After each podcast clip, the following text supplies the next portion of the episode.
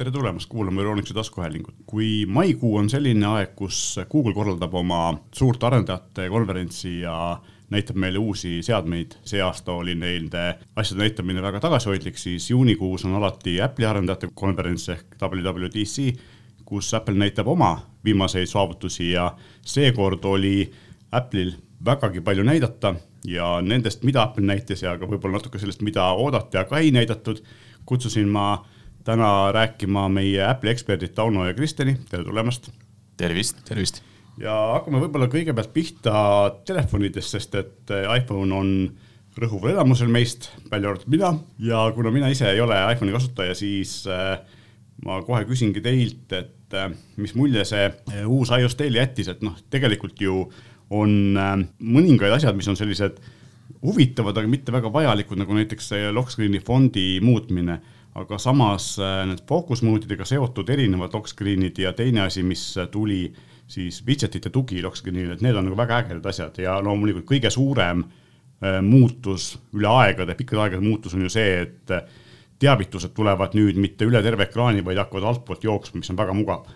et mis mulje see teile jättis? minu jaoks ma arvan, et see fondi muutmine tegelikult on üsnagi oluline, sest mul on vaja, et see telefoni ekraan näeb ilus välja ja kui seal oleks mingi Comic Sans sees, siis ma oleks kohe kindlasti sellega nõus. noh, Apple vist paneks seda kunagi Comic Sansi. nojah, ses suhtes Helvetic oleks ta kindlasti, et äh, aga see, et need widget'id saab ette tuua, et äh, see on nagu minu jaoks samuti oluline, et äh, alati ma telefonist noh, põhimõtteliselt vaatan kalendrit ja siis ka ütleme, mis tänane ilm on, et äh, siis ma ei pea minema sinna telefoni sisse ja vaatama, mis see näitab seal, et ma saan kohe selle lock screen'i pealt kenasti kätte. just, et see on selline unikaalne asi, mida konkurentidel eriti ei ole ja, ja noh, tegelikult üks asi veel, mis on minu arust nagu selline eriti huvitav, on need aktiivsed teavitused, mis siis suudavad reaalajas näidata sulle infot, et mis muutub. spordiscore'e või seda, kui kaugel takso on või mis iganes muud asjad, eks ole, et, et seda Android oskab ka teha, aga ta ei tee seda kindlasti nii hästi ja, ja iPhone'il pole sellist asja varem olnud, et, et see on ikkagi väga suur muudatus ja viimasel ajal, viimastel aastatel on, tundub, et nagu operatsioonisüsteemid on valmis saanud, et ei iOS-il ega Androidil pole olnud nagu mingeid suuremaid muudatusi päris pikalt, siis sel aastal on need iOS-i muudatused äh, üle tüki aja nagu väga suured ja ma ütleks, et väga oodatud ja mõnes mõttes ka ootamatud selle koha pealt, et ega tegelikult mina ei osanud oodata, et Apple laseb äh, lock screen'i fonti muuta, et see oli, tundus nagu väga ebaäplilik, aga, aga ju siis äh, ju siis nagu on vaja inimestele ka natukene sellist väljendusvabadust anda. nojah, samas pisiasjad, aga on väga olulised, et noh, samas on ka see takso ootamine, et et mis iseenesest näitasid Uberiga, et äh, ma usun, et Bolt tuleb ka sellega järgi, et saab kohe vaadata, kaugel sul takso või mõni sõber on. no tegelikult see ei ole ju keeruline teha, eks. muidugi ei ole ses suhtes, et selles mõttes sul on äpis on see info nagunii olemas, lihtsalt ilmselt paar rida koodi, mis selle võimaldab selle widget'i peal väiksemas formaadis kuvada, et see, see tundub olevat selline asi, mida noh, teades ka seda, kuivõrd äh, aktiivselt äh, iOS-i arendajad Apple'i poolt pakutavaid uusi võimalusi oskavad ära kasutada või kui, kui kiired nad on neid võimalusi ära kasutama, siis tegelikult ma ootan küll, et sealt tuleb võib-olla isegi asju, mida me oodata ei oska, mida pärast me ei oska ette kujutada, kuidas me ilma elasime. jah, et meil seda just oleks nagu vaja, et no sama oli ju sellega ka, et nad tõid lõpuks sellega selle wallpaper gallery'na sisse, kus saad ise aga Samsungil ikka. no ma ise ei ole Samsungi kasutanud, nii et ma ei oska selle kohta nagu sõna võtta see on pigem kellamoodi, eks ju, et pigem kellamoodi jah, nagu kella peal on, mm -hmm. jah, oled saanud ju aastaid vahetada taustapilte, complication, nagu nad just, kutsuvad, need erinevad moodulid, neid saab muuta, et nüüd on telefoni peal sama asi. rohkem vabadust. Just, rohkem isikupära. või isikupära, vabandust. jah, just, ma kasutasin sedasama sõna siin, kui ma sellest ühe artikli kirjutasin, aga, aga iseenesest äh, minu arust just selle isikupära lisakas on, on see, et, et need äh, teavitused ja widget'id siis annavad ikkagi sellist äh, kasutusmugavust noh kõvasti juurde, et, et see on, see on nagu asi, mida noh, kogu aeg on räägitud, et iOS-i teavitused on sellised äh, aastaid nagu samasugused olnud, eks ole. jah, kui praegu vaatad, et kui sul on, ütleme, palju teavitusi ees, teed selle lock screen'i ette siis sa vaatad seda, et sul on terve ekraan on teavitusi täis, nagu et okei okay,, paned kõik clear all ja lähme eluga edasi.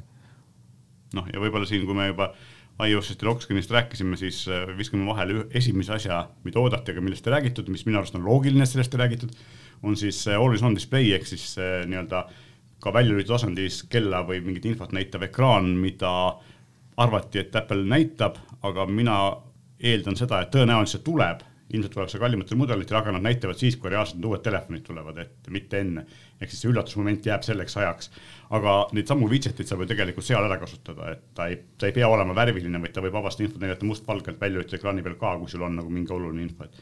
et me saame näha, kuidas nad sügisel seda tõenäoliselt tuleb, ega me kindlad olla ei saa, aga kuidas nad seda nagu siis äh, lahendavad, eks ole, et kas, kas need widget'id saavad kaasal olema või on see ainult mingisugune kellaaeg ja sellised asjad, eks. ma ise mõtlen enda pealt, et kas ma tahaks, et mul kellaaeg seal pidevalt ees oleks või mulle meeldib kusjuures, aga see on maitse asi.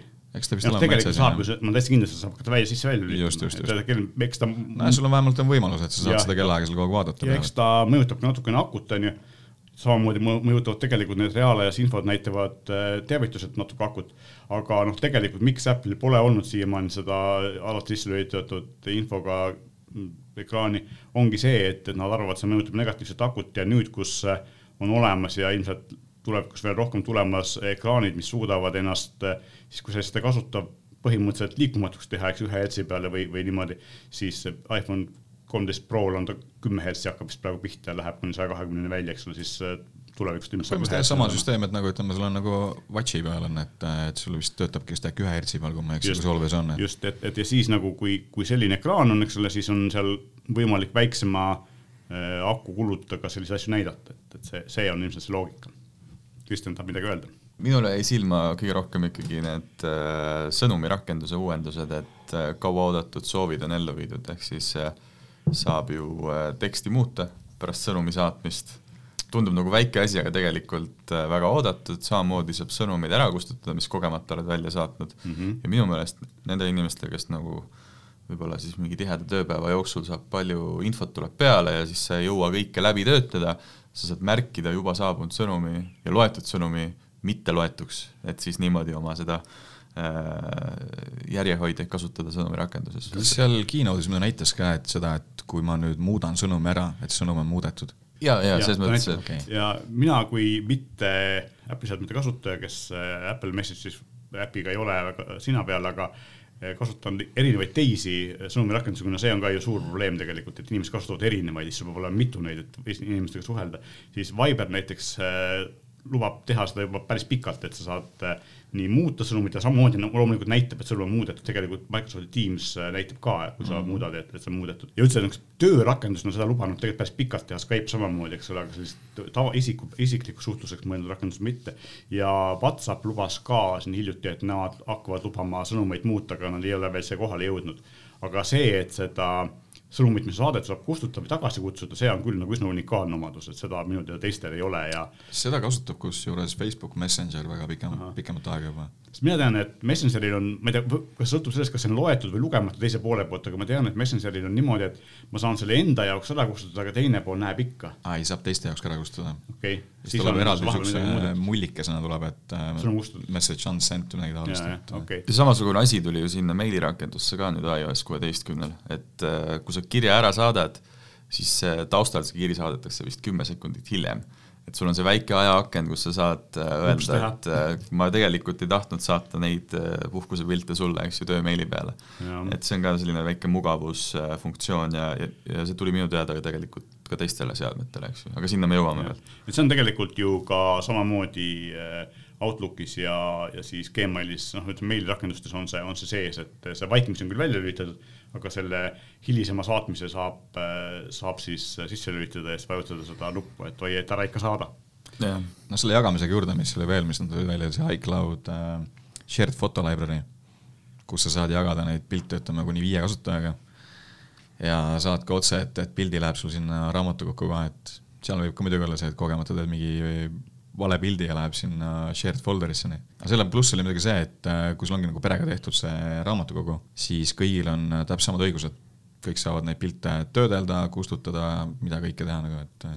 ma kujutan ette, et, mm. et seal on ka kindlasti tehtud hästi lihtsaks see konkreetse pildi eemaldamine, kui sa avastad seal midagi valesti. ma usun küll, jah. seal isegi muudeti ju kaamera rakendust sedasi, et äh, sarnaselt nagu see välgu sisselülitamise nupp on, eks ju, alati nähtaval nüüd on siis alati nähtaval see nupp, et kas pilt läheb otse sinu isiklikku kogusse või läheb ta perega jagamiseks mm. -hmm.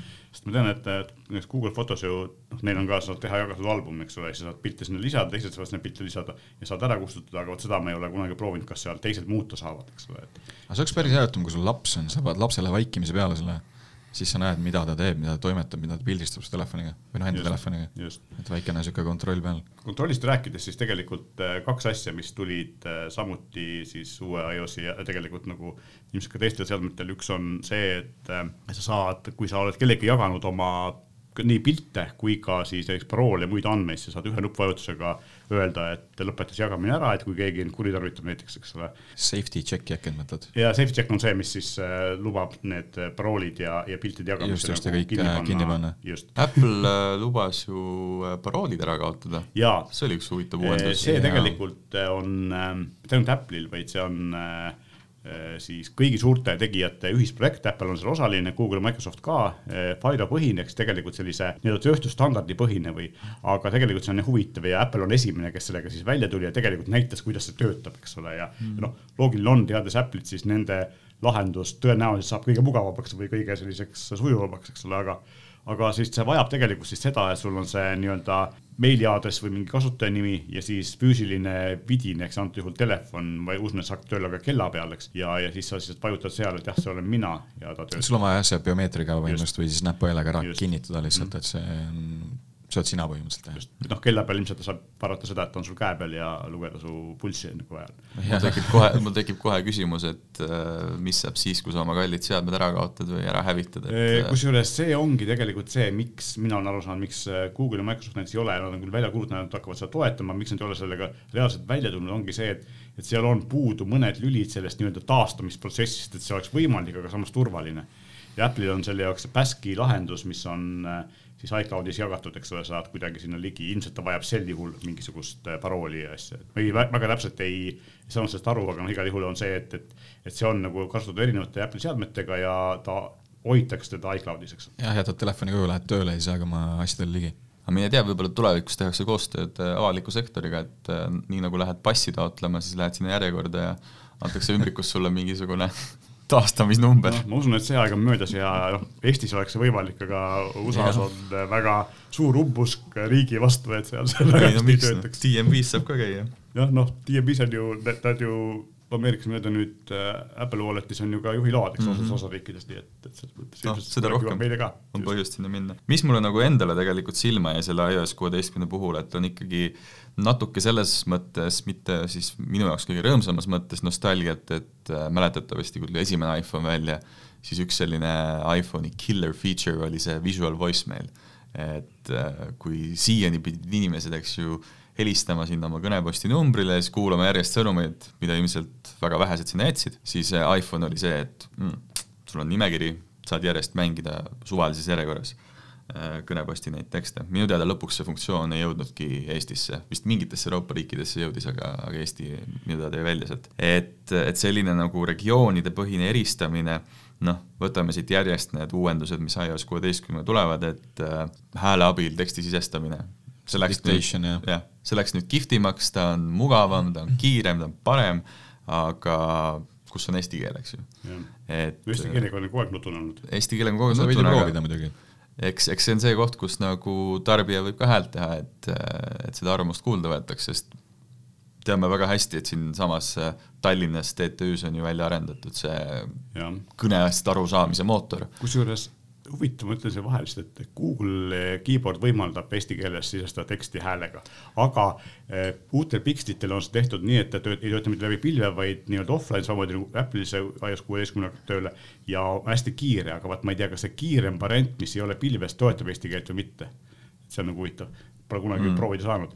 Aga iseenesest jah, et äh, tegelikult need sellised tehisintellekti funktsioonid olid Apple'il nagu päris mitmed, eks ole, et see minu arust nagu eriti uskumatult, uskumatuna tundus see, et kui sa, vanasti see, kui sa tegid pildi tekstist ja said kohe seda teksti kopeerida, kas nüüd on see, et kui sa salvestad videot, saad videos ka seda teksti kohe kopeerida, et see on nagu selline ikka nagu tõesti next level värk. ja kusjuures see, see funktsioon tegelikult, et ta pildi seest tuvastab teksti, see on nüüd juba viieteistkümnega kenasti kohale tulnud et just, et nüüd on siis lisaks pildile ka videost yeah, teksti see on vahepeal niisugune nagu noh, uskumatu. see on vahepeal niisugune feature, mis mind ennast häirib, et kui ma teen mingi, mingit täiesti pildi, kus on tekst peal, ma tahan nagu double tap'iga tahan zoom ida seda, siis ta mul valib selle teksti, siis ma olen nagu, miks sa teed seda, mul on sama juhtunud, nagu. täpselt sama et nagu iga hea asja juures on ka mingi niisugune negatiivne asi. samas sellest videost teksti tuvastamise kohta päris mitu välismaist äh, arvamust oli see, et äh, see on nagu täiesti jaburalt ideaalne asi kõigile üliõpilastele, kes siis salvestavad seal loengus seda mm -hmm. tahvlit ja siis pärast teevad, ei pea käsitsi kirjutama enam märkmeid, vaid lihtsalt. no samas selle dictation'i ka, et ütleme, kui nüüd tõesti läheb selle peale, et kõik hakkavad seal ütlema oma sõnumeid ja asju sisse lugema, siis inimesed muutuvad nii laisaks ja ma arvan, et see grammatiline pool läheb veel hullemaks või vastupidi, ta saab aru, mis sa tegelikult öelda tahtsid ja parandab ära. võib ka niipidi olla, jah. see ongi tegelikult see, et ilmselt just, et see, ilmselt läheb see grammatiline pool selles mõttes äh, hullemaks, et inimesed ei viitsi õigesti kirjutada, sest et telefon parandab selle teksti nende eest ära, eks see on nagu mm, -hmm. nad, nad ei pööra tähelepanu oma vigadele. no võib-olla samas jällegi ütleme, kui sa ei ole, ütleme just äh, inglise keele kõneleja, ütleme nii, et äh, siis sa äkki just nagu parandada seda dik-, ütleme mitte diktsiooni, vaid seda grammatilist poolt, et sa näed, kuidas tegelikult seda asja kirjutatakse. see on tõsi. ja siis ma, ma jätkan ikkagi oma lainel, et mis, mis meil teistmoodi on äh, Colombi taga, et äh, Apple Pay on Eestis saadaval juba, ma ei tea, kas ta on aastaid juba, et suurepärane teenus, suurepärane funktsioon, nüüd siis Ameerikas tuleb turule uus teenus Apple Pay all, on see Apple Pay Later ehk neli intressivaba makset ja vahet pole kus sa oma oste teed, oluline on see, et see saab Apple Pay'ga maksta, ehk siis sisuliselt kõik kaarditerminalid, eks ju. no põhimõtteliselt Apple muutub vaikselt juba finantsettevõtteks. tegelikult nii, see on neil ju olnud plaanis pikka, pikka aega, kui nad esimese kaardi välja tõid mm -hmm. kolm aastat tagasi praegu vist juba, et see oli näha, et tegelikult see on nende soov ja noh, seal on ju raha ometi, miks mitte. aga mina mõtlesin selle peale seda, et, et see Pay later, see on nagu Ameerikas hästi levinud ja loomulikult kõik pangad üritavad sellest nagu osa saada, aga see on ähm, kuus nädalat ehk siis äh, noh, poolteist kuud, eks ole, põhimõtteliselt Eesti mõistes USA-s vist on jah see, et seal on vist on palgapäev nüüd on kahe nädala tagant, aga mm -hmm. meil on kord kuus, ehk siis meil on see, et noh, see, see aitab sul põhimõtteliselt maksimaalselt heal juhul jaotada selle makse kahe palgapäeva peale, eks. Mm -hmm.. Eesti inimene tahaks jaotada, noh, tavaliselt on see, et ka järelmaksuga sa hakkad kolmest kuust, eks ole, vähemalt ei paku keegi, et, et see võib-olla see, see pooleks jagamine ei ole nii jahvatav, kui ta oleks näiteks kolmeks või kuueks jagamine, aga noh, siin on vaata sama, sama, sama asi, et kui see on kliendile ilma intressita, siis see intress tuleb ilmselt teenida nende müüjate käest tagasi ja, ja mida kauem ajab ja seda venitada, seda suurem see protsent on, ehk siis seda lühemat aega on nagu kõigile valutum ja lihtsam pakkuda ja, ja ma sain aru, et esialgu Apple võtab selle kulu enda kanda, sellepärast just, et ilmselt eh, kinnistada ennast inimestele kui finantsteenuste pakkujaks. ehk siis äh,, aga jah, et, et inimestele, kes noh, Ameerikas, kes saavad kord kahe nädala tagant palka, et kui nad saavad nagu nii-öelda siis kolm-neli kord äh, maksta kolm-neli korda ühe korra asemel, siis tee on tegelikult kindlasti väga mugav ja kindlasti suurendab tehnika osta, eks ole, või noh, mitte ainult tehnika, ilmselt saab ja asju selle osta samamoodi. ma nagu jah, selles mõttes ma ei oska kaasa rääkida, et mis seal see Apple'i nii-öelda äriline pool taga on, eks, aga, aga iseenesest selline teenus, äh, nagu sa mainisid ka siin on ju, et Eestis saab ju kolme kuu peale jagada erinevate finantsteenuse pakkujate juures oma makseid. et see on olemas, see ei ole uudis aga Apple'i puhul on just see, et kui, kui elegantselt see asi on lahendatud. Eh, kui me mõtleme, kuidas see täna käib, sisuliselt sa pead enne kauplusse tulekut juba välja mõtlema, et mis poodi sa lähed, sõltuvalt sellest, kas seal on see õige liisingupakkuja, siis sa pead kindlasti mingisuguse avalduse täitma, sa ja. pead pabereid määrima, eks ju, jube, jube tüütu. aga nüüd on see, et kassas põhimõtteliselt põmm, et hmm, kas ma maksan kuussada dollarit kohe või ma jagan selle maksete peale, et noh, see on uskumatu. aga see on ikkagi mõeldud siiski ju tegelikult äh, Apple'i kasutajatele mm. -hmm. ütleme, kui ma olen Androidi kasutaja, et äh, tahan minna nüüd uurida, mis see iOS-i maailm on, siis ma ju see Apple Pay Laterit ei saa kasutada. no aga see ongi ju ometigi Apple'i kasutajate eeliseks, see ongi nagu see, et, et miks, miks tasub olla Apple'i kasutaja. või siis ma lähen ostan selle telefoni ära, seadistan oma kaardidest ära ja siis ma saan sellesama telefoni, mida ma ostan, teha selle Apple Pay Lateri ei, vaata see on see, et sa ostad telefoni ära, seadistad ära ja siis saad kõik oma lisatarvikud maksta hiljem jah, see on ka jah, jah, miks mitte tegelikult. jah, aga ma ei imesta absoluutselt, kui nüüd siin jälle paar aastat mööda ja siis äh, teatud komisjoni inimesed avastavad, et äh, kuulge, ebaaus konkurents, et laske teised teenusepakkujad ka samasugust lahendust kasutama, eks näis. sel taustal võib ära mainida, et äh, nüüd ju pandi paika siis päriselt, päriselt kõik trahvitootjad, kes müüvad kaupa Euroopas peavad võtma USB-C kasutusele. ma lihtsalt mainin seda ära, tundus sobiv koht. ma siia vahele ütleks lihtsalt arvamuse korras, et äh, see on täpselt õige hetk selles mõttes, et äh, see ei ole juhuslik, et nad nüüd selle ära otsustasid ja siiamaani pole ära otsustanud, sest et äh, ilmselgelt on praeguseks nendest nii-öelda back channel'ite kaudu teada, et järgmine, eks mitte selle aastaga, järgmise aasta iPhone tõenäoliselt tuleb USB-C-ga ja siis kuna see kohustuslik aeg hakkab kaks tuhat kakskümmend neli, selleks ajaks ei ole kellelegi vastuväiteid, kuna ka Apple on üle läinud. no samas seal võib olla. teised seadmed peale iPhone'i on praegu juba praegu USB-C-ga, eks ole. ütleme iPhone'iga võib olla ka see variant, et nad kaovad üldse pesa ära, et jääb lihtsalt MagSafe laadi. ma arvan, et jah, noh, see on võimalik, aga ma arvan, et see ei ole praegu veel tõenäoline, sellepärast et see ei lihtsalt juhtmevaba laadimissüsteemid on suhteliselt kallid, kuigi teades Apple'it, siis nad võivad üllatada no samas, kui ma võtan nüüd ütleme selle USB-C lightning kaabli, ütleme, võtame kahe meetri peale, selle hind on, kui ma ei eksi, on nelikümmend euri uh.. ja MagSafe laadija on nelikümmend neli euri, tegelikult see hinnavahe on üsnagi väike. nojah mm -hmm., sellisel juhul noh, võib-olla no, miks mitte, eks ole. aga hinnad on jah suured, et aga muidugi jah, see tähendaks seda, et Apple'il oleks lisakulu, et nad peaksid panema selle MagSafe laadija juba sinna telefonikarpi. no tegelikult jah, kui nad ühtegi pesa ei pane, siis nad Just. peavad panema, jah seda küll, jah, et selles mõttes äh, põnev tulevik ootab, eks ole, et, äh, et just selliste uute, uute standardite ja, ja uute lahenduste, aga see näitab ka seda tegelikult, et ega siis äh, USB-C on nagu siin, et jääda, et ei juhtu seda, et meil saab umbes olema uus standard, et kui see ikkagi nagu selliseks poolkohustuslikuks tehakse, siis ähm, ilmselt ka tootjate poolt on olemas nagu usk, et, et see, see on praegu hetkel lähitulevikuks parim lahendus. aga võib-olla, ma ei tea, kas meil on iOS kuueteistkümne kohta veel midagi öelda äh,?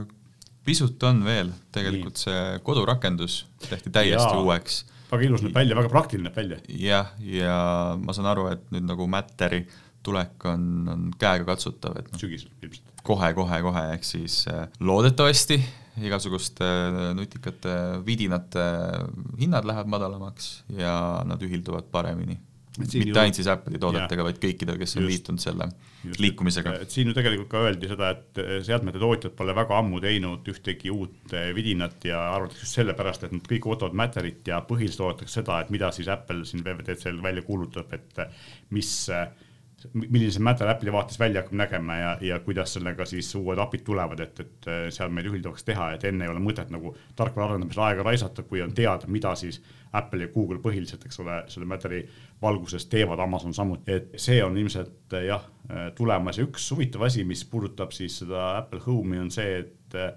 nüüd ei saa enam või siis mingist hetkest ei saa enam iPad'i kasutada Apple Home'i hub'ina, ainult Apple TV-d, nii mm. et või äkki ka HomePodi, aga igal mitte iPad'i, et see oli nagu huvitav liigutus okay.. just selle no. koos uue, uue Home äpiga siis. eks ta oligi selline natukene veider pakkumine selles mõttes, et sa ostad omale iPadi. siis äh, ja seisab sul kuskil juhtme otsas. jah, et pigem see iPadi, eks ju, kannad kaasas, nagu Just. minagi siin praegu hoian üles ühte. et, et miks peaksid aheldama ta sinna koju juhtme otsa, et selleks on ju olemas, nagu sa ise mainisid ka, seesama Apple TV. ja Apple TV on ka soodsam valik selles suhtes, et mm -hmm jah, ja kogu aeg äh, ühenduses ja tõenäoliselt noh, mitte kõigil, aga, aga osadel ilmselt on ka ühendatud siis füüsilise võrguga, mitte wifi'ga, eks ole, mis on võib-olla natuke. mis on veel seal näiteks, oli see kaamera rakendus, ütleme, kui ta on mingi objektis pilti, et ma saan selle objekti kohe välja lõigata ühe mm -hmm. nupuvajutusega. aa ah, jaa, tehisintellekti poolt äh, tehtud nii-öelda uuendused, eks ole. just, just, just. see oli väga muljetavaldav. teen oma autos pildi ja vajutan klõps ja viskan kohe müükina. jah, äh, ma ei tea, kuidas teiega on, aga kõige meeldejäävam osa sellest kogu iOS-i ettekandest oli ikkagi see järgmise põlvkonna CarPlay, see, see oli midagi ja, täiesti uut. jah, aga siin on nagu minu arust niivõrd palju valearusaamasid, äh, mida ma kohe kummutada tahaks. aga sellega oli vist see ka, et kaks tuhat kakskümmend kolm on see aasta lõpp äkki või millal hakatakse kaks tuhat kakskümmend kolm äh, lõpus kuulutatakse välja esimesed autod, mis hakkavad seda toetama. praegu tundub, et äh, Mercedese uus see Hyperscreeniga, mis neil on, need elektrikad, et need justkui nagu võiks sobida, aga noh peame ootama ametlikke neid jah, äh, kinnitusi. või see on see lüke, et Apple ikka tuleb enda autoga välja? no võimalik, aga kes teab, aga iseenesest see CarPlay on nagu veidi isegi võib-olla eraldiseisev teema, et ei ole isegi ta on niivõrd nii suur uudis, et ei puutu ju käigi sinna iOS-i alla päriselt, eks ole, aga aga tegelikult ongi see, et väga palju eh, olen näinud meedias seda, et oi, et, et äge, et nüüd me installime telefoni uue või tuleb uuendusega uus äh, CarPlay versioon, siis meil on nagu vana eh, Äh, nii-öelda auto dashboard'i asemel on äge Apple'i dashboard, noh niimoodi see asi ei käi, et, et see ongi minu arust on nagu, nagu veidi segadust tekitav on see, et Apple ei nimetanud seda mingisuguseks äh, CarPlay Premiumiks või mingiks selliseks asjaks, et ta nagu sama nimega on, sest et näiteks Androidil on samamoodi on Android Auto, mis on siis samamoodi nagu Apple'i CarPlay praegu, ehk siis telefonist peegeldatakse su autos olevale ekraanile see sisu. ta on nagu sihuke väike kiosk sul, eks ju, noh, ütleme üks ekraan. jah, et põhimõtteliselt on see, et, et sa,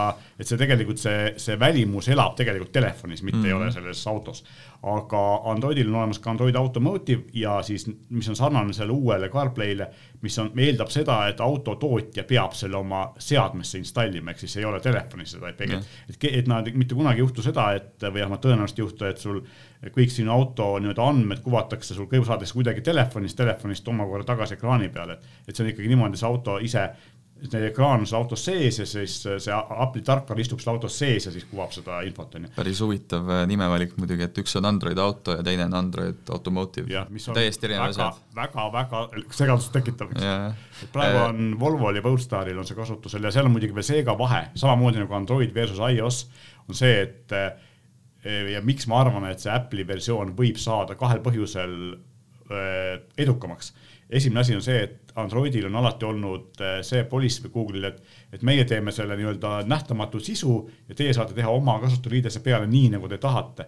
siis paljudel väiksematel autotootjatel, kellel elektriautode turul praegu tuleb järjest juurde, ei ole tegelikult seda know-how'd, et teha või, või seda viitsimist ega, ega inim-, ressurssi, et teha nagu seda tarkvara ja, ja eriti see kasutajaliidest, eks ole, me kõik äh, oleme kuulnud kurtmist, kuidas autodel on see, et autosid tehakse hästi, aga tarkvara ei ole nagu sama hea. siis äh, Apple'il on see pool kindlasti tugevam ja, ja neil on ka see, et nad nii-öelda suruvad peale pehmelt öeldes või, või selle, selle konkreetse kasutajaliidese nagu nii, nagu Apple seda ette näeb, ehk siis nad, tootjad ei saa seda väga muuta. ja see on võib-olla üks asi, miks tootjad võib-olla ei taha väga nii kiiresti sellega kaasa minna, aga teine asi, miks nad võivad sellega kaasa minna, on see, et eh, Google'i soov Android Automotive'i nagu kõigi teiste Google'i asjadega on see, et autotootjad jagaksid nendega palju igasugust infot siis Apple tõenäoliselt ei küsi nii palju infot tootjate käest eh, mingisuguste reklaamide müümiseks ja muuks sihukeseks asjaks, eks ole, see on nagu ilmselt selline põhjus, miks autotootjad võib-olla Eh, võtavad selle Apple'i pakkumise pigem enne vastu, eks ole. aga väga ilus nägi ta välja küll. ja, ja noh, eks näe, et eh, Verge küsis praktiliselt kõigi suuremate autotootjate käest ja kõik ütlesid, et no me ei oska praegu veel midagi öelda, aga noh, ongi vara ju tegelikult. mul, mul nagu tekkis see mõte, et võib-olla Apple tegi väikse karuteene siin autotootjatele just selles mõttes, et et kui esimesi mudeleid mis saavad selle uue siis CarPlay toe, me kuuleme alles mitte selle aasta lõpus, vaid järgmise aasta lõpus et siis ma, ma ilmselt ei ole ainukene, kes noh, jääbki nüüd ootama, et, et kes siis tuleb millega välja ja, ja auto, auto ostjate sellist käitumist natuke mõjutab see. kindlasti mõjutab. Ongi, et huvitav see, et noh, tegelikult eh, üks, üks ühtepidi on loogiline, et autode tegemine on väga pikk protsess, autode nii-öelda väljatöötamine. aga teistpidi on see, et võib-olla olekski neil olnud kasulikum seda nii-öelda hoida saladuses, aga eks nad ilmselt ootasid seda, et see kindlasti lekib ja, ja siis nagu pigem on lasta see eh, kass kotist välja kontrollitult, kui, kui siis see, et kuskil autotootja juures see lekib, et oi, me oleme arendamas CarPlay'ga, integreeritud CarPlay'ga autot, eks ole, et.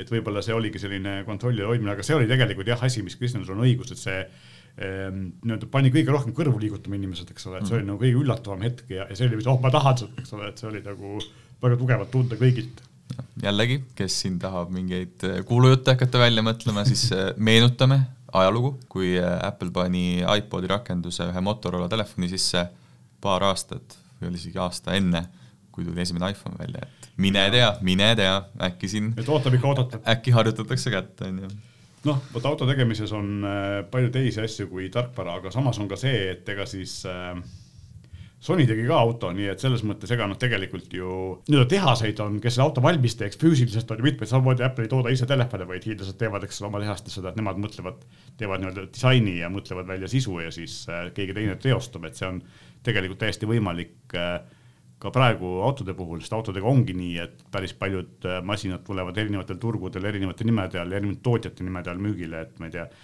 mingi Toyota on kuskil riigis Suzuki ja vastupidi, eks ole, et, et selliseid asju on ka praegu, nii et mm, -hmm. et äh, absoluutselt ma imestaks, kui ma ei tea, mõni äh, Stellantis või äh, või näiteks äh, Vaak-Grupp ehitaks Apple'i jaoks auto, eks ole, ja siis Apple paneks oma tarkvara sisse ja oma, vastavalt Apple'i nõudmistele, on ju, et, et selles mõttes. et elektriauto tootjad on ka valmis. oma tehast, on ju. ja see ongi, et sellest saab tõenäoliselt teha terve saadete sarja, mis, mis see elektriauto tulevik meile toob oh,, aga mm -hmm. kas see oli äkki Hendrik Visker, kes ütles, et noh, kuulge sõbrad, see on ju elektrimootor, akud ja kere ja that's about it. jah, et äh, ma tean siin mitmeid inimesi, kes on pikalt sõitnud ka Eestis elektriautodega ja kõik ütlevad ühe, nagu ühest suust, et et kõige jaburam asi, mille peale mitte keegi ei tule enne elektriauto ostmist, on see, et sa ei pea seda praktiliselt üldse hooldama, et kui sa mm. nagu tavalise nii-öelda sisepõlemismootori autos käid tihti hooldustes, eks ole, kohustuskorras garantii ajal, siis see elektriauto on praktiliselt hooldusvaba, et seal ei ole nagu eriti lagunevaid asju, et, et see on nagu tegelikult üks noh, seda on palju lihtsam toota.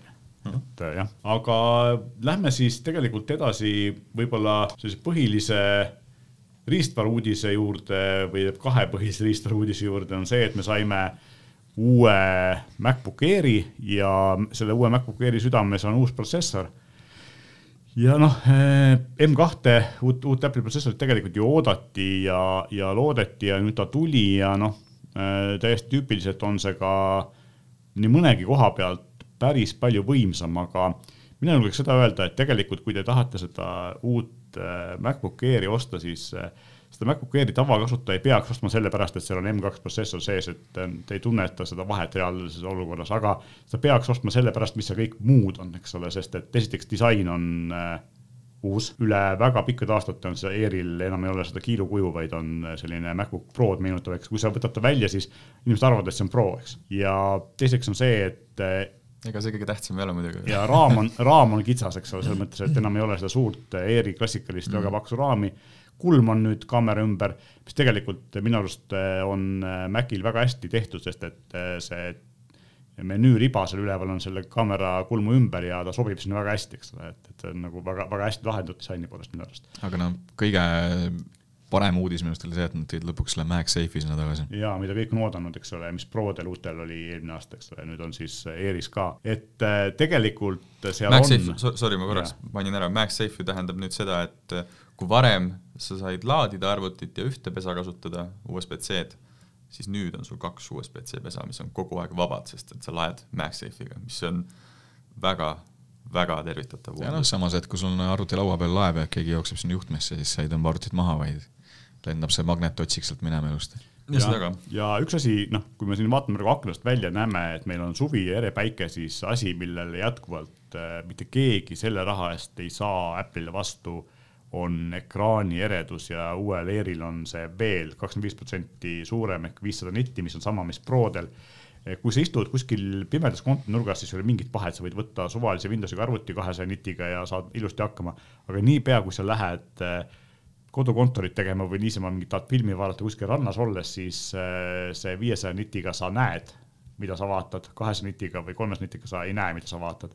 et see on nagu tohutu Apple'i arvutite, eriti uute nüüd varem Prode, nüüd siis ka Airi eelis eh, kõigi Windowsiga arvutite eest, et selleks, et eh, saada Windowsiga arvutit, millel on viiesaja nitine ekraan, pead sa maksma märgatavalt rohkem raha. ehk siis MacBook Pro või Air võib tunduda kallis, aga, aga seal on asju, mida sa ei saa konkurentidelt selle raha eest nagu lähedaselt ka. rääkimata sellest, et ta on niivõrd võimas, ta on ülikerge ja ilma ventilaatoriteta ehk ta ei tee mitte mingisugust häält ja seda sa ei saa ka nagu konkurentidelt mitte mingi nipiga, eks ole. et seal on nagu selliseid äh, eeliseid nagu tohutult palju, mille peale võib-olla alguses ei mõelda, eks ole. üks asi, mille peale nagu mõte, millega ei ole harjunud, on eks ju see, et äh, seoses selle Apple'i äh, protsessorite tulekuga, kui vanasti tuli välja uus arvuti, siis see tähendas piltlikult öeldes, et noh, kes ikka seda eelismudelit enam ostab, siis M-kiipidega on küll minu hinnangul lugu selline, et kui sa teed tekstitöötlust, ma ei tea, saadad meile, surfad, vaatad filme, põhimõtteliselt oled selline kerge kasutaja või isegi keskmine kasutaja, siis äh, ma ei näe ühtegi nagu põhjust, miks sa ei peaks ostma jätkuvalt seda M1 protsessoriga, MacBook Airi, mille Apple siiani valikusse jättis. just, sest et hinnavahe on päris suur, uuem on kallim, eks ole ja see M1 on ikkagi ka nagu uskumatult võimas selle, selle hinna eest, mis, mis ta eest küsitakse, no konkurenti jällegi ei ole, eks ole. ta on, ta on võimas ja see aku on ikkagi ju erakordne. jah, kuni kaheksateist tundi, nii et. et, et loomulikult needsamad no., needsamad asjad, mis sa välja tõid uue puhul on, on tõesti väga head, noh ekraan näiteks on ju ja see, see uus disain, MagSafe, kõik on no, väga tore. see natukene see ekraani jutt tegelikult kehtib ka selle vanema M1 kohta, millel on siis nelisada nitti, et ta ei ole küll nii here kui uus, aga ta on äh, võrreldes nii mõnegi teise tuhande euro hinnaklassis arvutiga ikkagi märgatavalt eredam, ehk siis see, see argument on ka odavama puhul tegelikult sarnane nojah, kui siin võrrelda nagu Windows arvutitega, et vaadata nagu samas hinnaklassis, ütleme samade gabariitide ja korpusega, siis tegelikult Windows arvuti on sul tunduvalt kallim. kui vaadata just seda väikest äh, masinat, mis on sul kolmeteisttolline, et just.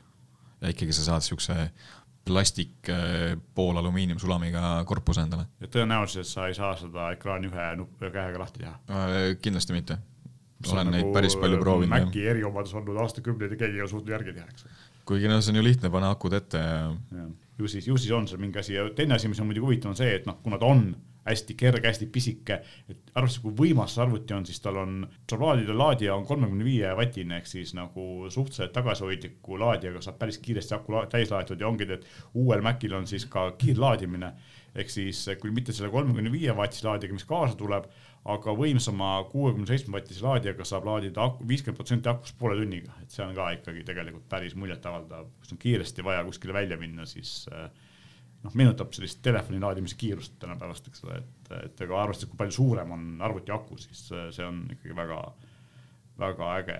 ja noh, kolmeteisttolline MacBook Pro saab ka endale M2 kiibi, mis ähm, noh, mõnes mõttes üllatav, aga samas mõnes mõttes selline äh, on nüüd natuke kiirem, aga mina ütleks, et arvestades ta on sada eurot kallim umbes, eks ole, siis ähm, praegu pigem tasub osta uus Air, sest et tal on parem ekraan ja, ja, ja paremad äh, sellised, noh, kergem, eks ole. või kui sul on tõesti vaja Prod, siis pigem suurem Pro, neljateisttolline või mingi selline. No no ma ei saa sellest mõttest aru, miks nad lasevad seda Prodel välja nagu, kuna selle Airiga on nagu nii väike vahe sellel et noh, Prol saad, eks ole, see ventilaatori saad, on ju, et. Ähm, no Pro mõte ongi see, et, et see ventilaator annab siis selle, et sa, kui sa tahad teha mingit tõsist äh, videotöötlust või pilditöötlust, saad pikemat aega, selle suurem, eks ole. neljateist tolli sa võtad, maksad rohkem, ostad endale korraliku masina, et äh, kuna selle, ütleme selle kolmteist tolli Pro ja Airi vahe see on lihtsalt nii minimaalne, aga saad hinnavahe seal, et nagu ma ei näe pointi seal. ega, ega valik ei ole kunagi ju halb olnud.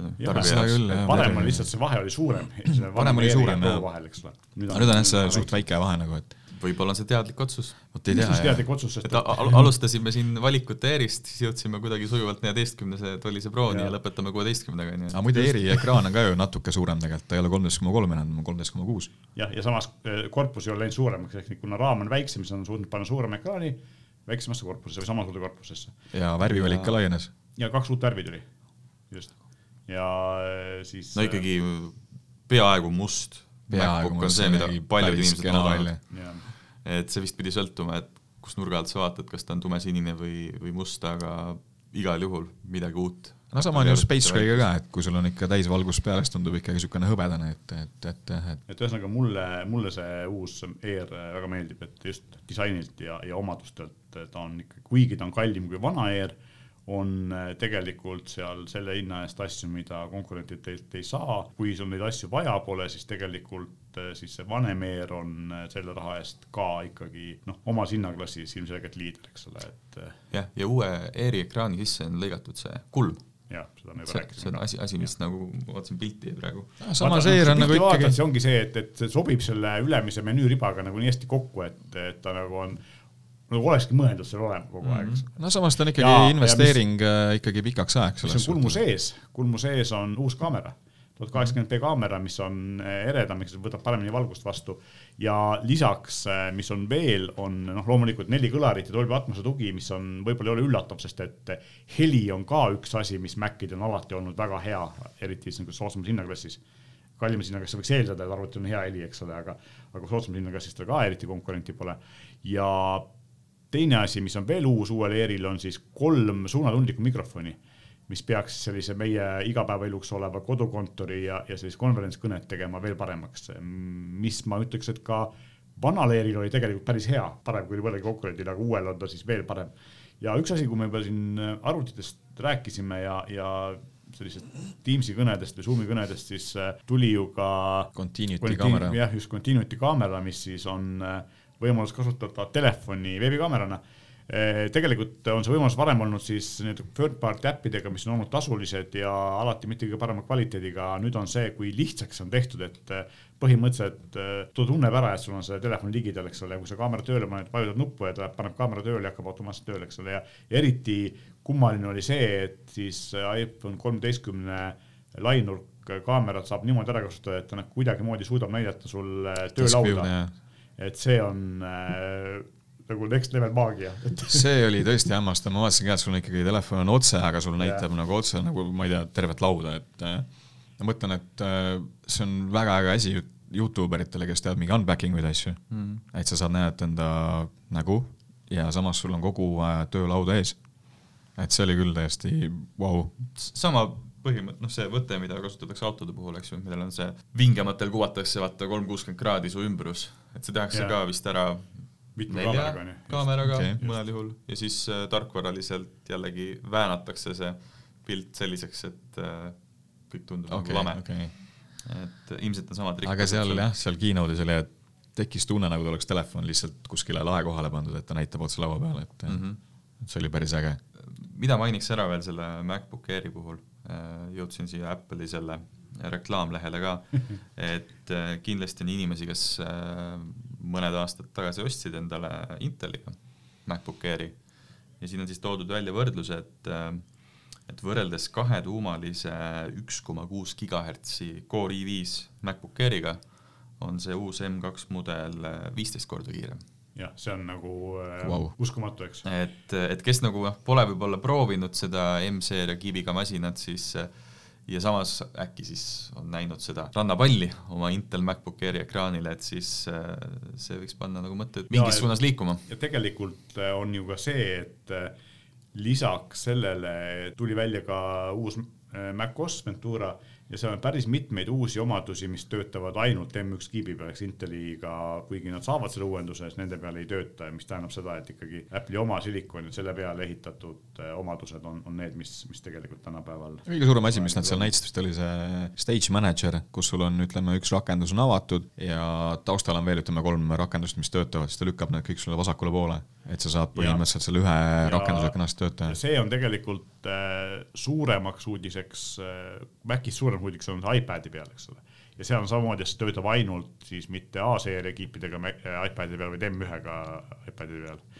Kristjan on selle üle õnnelik, aga et ma tean, et, et siin päris palju on selle üle meedias irvitatud, et see, see kõrvale lükatud väiksed aknad näevad välja nagu Windows aastast kaks tuhat viis ja et nad on kuidagi imelikud, aga, aga tegelikult seal ähm, nii-öelda arendajate sessioonidel, mida nagu keynote'is ei olnud, näidati ka seda, et selle tegelikult saab ühe nupuvajutusega ära peita, et selline focus mode on olemas, et need, need ei ole nagu niimoodi selgelt nähtaval ja, ja sa tegelikult saad siis nii-öelda shortcut'ide, graafikombinatsioonidega omavahel vahetada, et et tegelikult see on esimene kord, kui selline päris mitme akna või liigutatava aknadega multitaskimine tuleb iPadile, eks ole, et Macil on noh, mingil määral noh, tegelikult täielikult see olemas olnud mingil kujul ju varem, aga iPadil seni mitte ja see on nagu asi, mida, mida väga kaua oodati ja mis nüüd on nagu siis olemas, et et paljud ütlevad, kes on nagu sellised väga suured iPadi fännid, kes ütlevad, see on minu ainus arvuti, aga ma tahaks nagu muud, muutuva suurusega akna, et tahaks rohkem nagu arvuti, siis nüüd on see võimalus olemas ja nendel inimestel on võimalik siis oma arvuti äh, iPadi vastu vahetada ja kasutada seda kui ainsaks masinaks. Kristjan ei ole nõus? eks äh, aeg näitab, eks aeg näitab, et äh, noh, kui me võtame selle, et, et suured iPadid, mis on kolmteist koma kolm tolli on, eks ole, siis või see on suurem isegi kaksteist koma üheksa on. kui ma rääkisin, no igal juhul suure, suure ekraaniga arvutiga, ühe, ühesuuruse ekraaniga, eks ole, siis tegelikult seda saab ikkagi arvutina kasutada küll, kui vaja on. Ja kui sa teed mingit tekstitöötlust ja muid selliseid lihtsamaid asju, siis ega võib-olla ei olegi vaja midagi no muud. eks ta võib-olla on harjumusküsimus Jaa. võib-olla, et eh, kindlasti on. kuna ta on ikkagi mobiilne operatsioonisüsteem selles suhtes. aga mis puudutab seda nagu mitme programmi vahel äh, töö tegemist ja sellist äh, multitask imist, siis selline minu jaoks, mulle tundub, et tegemist on järjekordse katsetusega, aga see on hästi selles mõttes tervitatav, et vanakooli Maci kasutajad on saanud proovida omal nahal kui ma ei eksi, siis esi- esimene selline lahendus oli Exposé, siis tuli mingil hetkel äh, Mission Control, vahepeal oli vist Spaces ja nüüd on siis meil äh, Stage Manager, et äh, et see, kuidas hüppad ühest programmist teise, see on nagu aastatega muutunud, et äh, eks elame-näeme, kui ma ei eksi, siis juulikuus peaks tulema esimesed need avalikud beta versioonid ka, kus on äh, igaühel tegelikult võimalik proovida, mida need uued äh, Maci softi platvormid endas sisaldavad, aga noh, sellega on muidugi see asi, et jällegi, kuna tegemist on proovitarkvaraga, siis ei tea, kas see on hea mõte oma töötelefoni või, või sellesse ainsasse arvutisse paigaldada, et, et sel puhul tasub pigem ikkagi ära oodata see ametlik jah, pigem kui on mingi lisatarvik, et lisatelefon või lisaarvuti, et siis kindlasti võib proovida need. ja jah, täpsustan, lõplik, mitte ametlik. räägime võib-olla siis ka kellast. et WatchOS äh, on saanud äh, päris palju müstiliselt huvitavaid äh, uusi omadusi, noh, loomulikult äh, uued tsifferplaadid, uued fondid, uus Siri kasutajaliides sellised asjad on võib-olla siis tavalised, mis tulevad uu- uu- uuendustega alati kaasa, aga, aga nüüd on selge, et Apple on pannud oma jala maha väga tugevalt äh, spordimaailmas, ehk siis siiamaani on nagu selline fitness ja health olnud äh, terviseasjad olnud Apple'il ka väga hingelähedased, aga, aga nüüd läheb Apple Watch konkreetselt äh, Garmini ja Polari ja, ja selliste nii-öelda jutumärkides päris spordikellade järgi, ainuke asi, mis neid veel tagasi hoiab, on see, et aku jätkuvalt ei kesta nii kaua kui konkurentidel, aga esimene asi on see, et nüüd on äh, olemas siis äh, trenni tegemisel äh, pulsitsoonid, mida, mis minul kui mitte iOS-i kasutajal oli üllatus, et seda siiamaani ei olnud, sest et Karmini kelladel ja seda on see kogu aeg olnud, mis on, kui sa teed põhjalikult trenni, siis on see hästi oluline, et sa jälgid oma pulsitsooni, eks ole. jaa, aga see oli ju nendel kolmanda osapoole rakendustel väga paljudel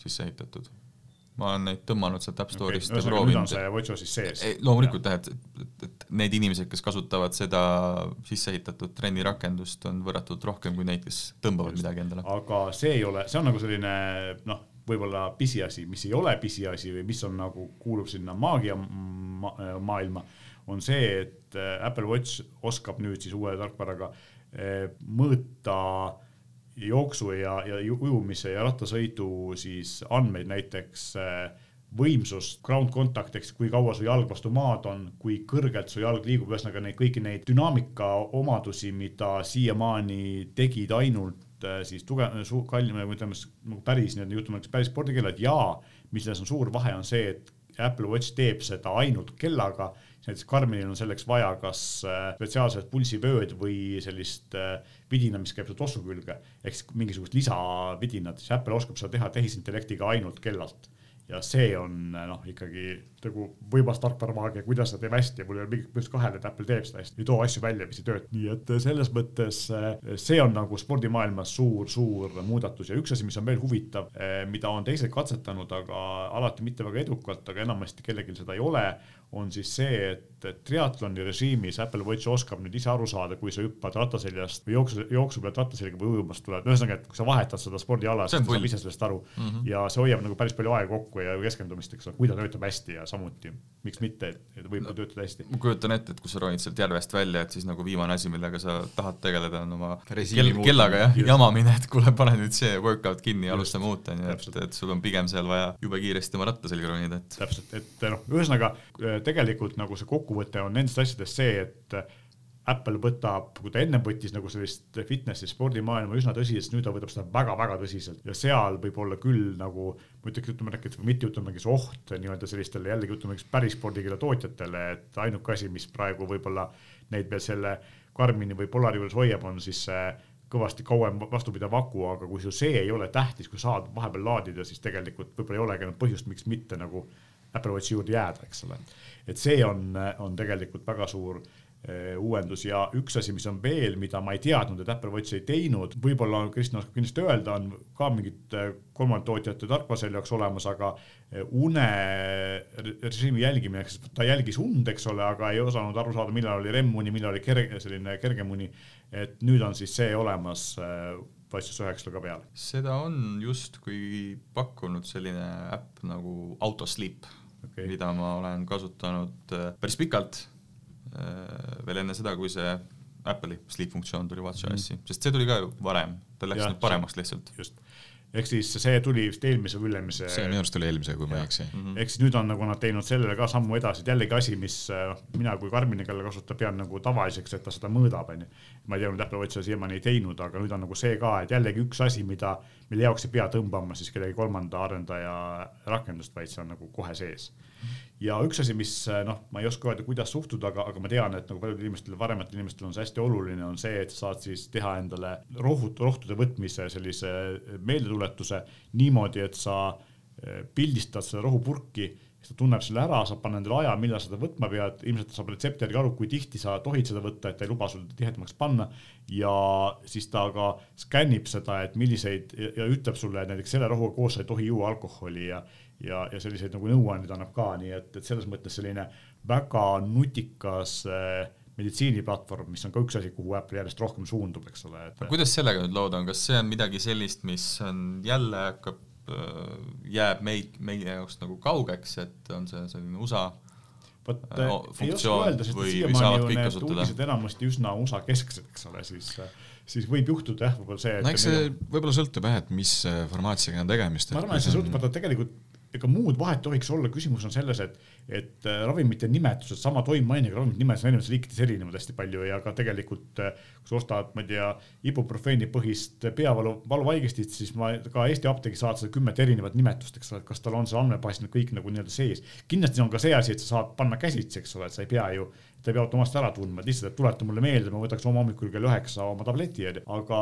aga selles mõttes jah, et need nii-öelda nutikad nõuanded, meditsiininõuanded, mis selle rohuga kaasas käivad, need eh, ilmselt sõltuvad, kui suur tal see andmebaas on, jah jah, sest rohud, rohud on samad ju. see ei ole ju selline andmebaas, mida saab ehitada nii-öelda kasutajapõhiselt, keegi skännib, sisestab, nagu on paljud nii-öelda toitumisäpid onju.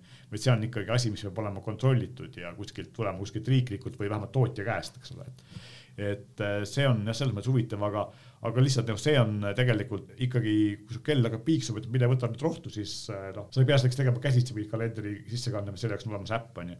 ja lisaks on siis see, et kui need fitness ja, ja tervisefunktsioonid olid enamasti siiamaani ainult Apple Watchil, siis nüüd tuleb fitness see Health äpp tuleb ka telefoni, nii et sa saad ka telefonist neid asju teha, et see on ka üsna, üsna suur uuendus. Äh, minu jaoks jäi kõrva ja silma see südamerütmi häirete logipidamine. jaa, see on ka tegelikult hästi oluline. see on nagu päriselt nüüd midagi sellist, mis, äh, mis võib päästa elusid, eks ju. et äh, varem Apple Watch lihtsalt andis märku, et sõber, tundub, et su süda lööb kuidagi veidralt et nüüd siis ta joonistab ka sellised äh, graafikud, kus sa näed trende ja saad hiljem jagada ka enda perearstiga. just, see on, see on tõesti, see on päriselt elusid päästev äh, omadus, aga kas meil on kella kohta veel midagi öelda? tundub, et on, tundub kõik jah. vaatame lõpuks üle ka asjad, mida oodati, aga mida ei tulnud, sellest alati töös olevast ekraanist me juba rääkisime, eks ole mhm. prillid ehk siis need AR prillid, neid ei tulnud, kõik rääkis sellest, et kindlasti näidatakse vähemalt näiteks tarkvara, no ilmselgelt vara veel. No ju see on nii toores veel siis jah. just, M2-ga Mac Pro, M2-ga Mac Mini, mida siin väidetavalt olevat lekkinud, aga tegelikult siiski ei ole. et neid ei tulnud, noh ilmselt keegi ei kahtle sellest, M2-ga Mac Pro sel aastal tuleb. ilmselt tuleb hiljem, et, et Apple'il on alati mitu nii-öelda riistvara event'i aasta jooksul, et võib-olla sügisel, aga, aga kõik äh, nii-öelda sellised väga profid eh, videotöötluse inimesed ootavad seda M2-ga Mac Prod nagu väga. ma millegipärast ei usu, sa mõtled neljateist, kuueteist tollist on ju? ja ma Meelis, sa mõtled ikkagi seda lauamasinat. lauamasinat. aa okei, sa mõtled, aa okei, okei, okei, kasti jah. kui ma ei eksi, siis selle olemasolu justkui kinnitati, mis ta nüüd oli, see stuudio mudeli väljatoomisel mainiti, et no, kunagi hiljem räägime sellest. teeme seda, see tuleb nagunii, eks ole. Nad ei öelnud tol hetkel, see tuleb M2-ga, nad ütlesid, et tuleb, aga noh, kuna nüüd on M2 lahjadel masinatel olemas, siis ilmselgelt selline M2 võimsam versioon tuleb ilmselt sellele Prole nagunii, ma pakuks ikkagi sügist, eks ole. ja üks asi, mis äh, mul ei ole siin nagu eraldi kirjas, mis ei ole nagu äpi spetsiifiline, aga mulle tundub ja ma ei tea, te võite vastu vaielda või nõustuda, aga, aga me oleme kuidagi jooksnud vastu seina sellise tehisintellekti või, või siis assistentide arendusega, et Siril ei tulnud mitte mingisugust väga suurt uuendust, Google'il ei tulnud Assistantile mitte mingisugust suurt uuendust, Alexast me ja Amazonilt pole ammu midagi uut kuulnud, et, et kui nad mingi mõni aasta tagasi arenesid väga, kõik kolm väga suure kiirusega ja konkureerisid üksteisega, siis tegelikult seal on nagu kuidagi vaikus enne tormi või lihtsalt vaikus, see on nagu huvitav, et, et ma ootasin tegelikult Apple'ilt just mingeid suuri äh, Siri uudiseid, aga neid nagu me ei saanud. Siri koha pealt äh, mainiti just kolmanda osapoole rakendustega äh, lihtsamaid integratsioone, kuna ma räägin, kuna tegemist oli arendajate konverentsiga, siis see võib olla äh, mina tõlgendan teistmoodi, aga seal oli küll teatav äh, uudis selle kohta no,. see, see vupsas läbi selle kõige no, muu. tehisintellekti koha pealt muidugi, mis nagu võiks mõnes mõttes äh, sarnasesse kategooriasse liigutada, ongi see pildilt objekti välja tõstmine ja jagamine, eks ole, või siis see, et videos saad nüüd äh, teksti kopeerida. et see on nagu tegelikult asi, mis otseselt ei puuduta Sirit, aga puudutab nii-öelda seda tehisintellekti tööd, mida, mida Apple nagu taustal teeb, eks ole, et aga jah, ka selliseid mingeid, mingeid täiesti uusi asju, kuidas virtuaalsed assistendid meie elu lihtsamaks teevad, ei ole ammu tulnud ja ma ei tea, aga, aga võib-olla siin ka see, et äkki ka see, et äkki neil on olemas kõigil kolmel või, või mõnedel neist mingisugused äh, laboris olevad äh, lahendused, mis võib-olla ootavadki selle Matter standardi sellist laiemat avalikust tegemist, et siis on võib-olla sead, sead nende nii-öelda kodujuhtimise või sellise asja pealt võib-olla tuleb midagi täiesti uut, eks ole. jah, et siis on õigeaegne kõik välja kuulutada. tegelikult on see, et kui sa vaata, kui sa toetad äh, ühte standardit, kõik suured tegijad, eks ole, Apple, Google, Samsung, Amazon ja nii edasi, toetavad kõik ühte nutikodu standardit, siis millegiga nad ju üritavad ikkagi, tahavad ennast nagu eristada, teistelt paremaks teha ja see on see koht, võib-olla see juhtimisloogika või, või see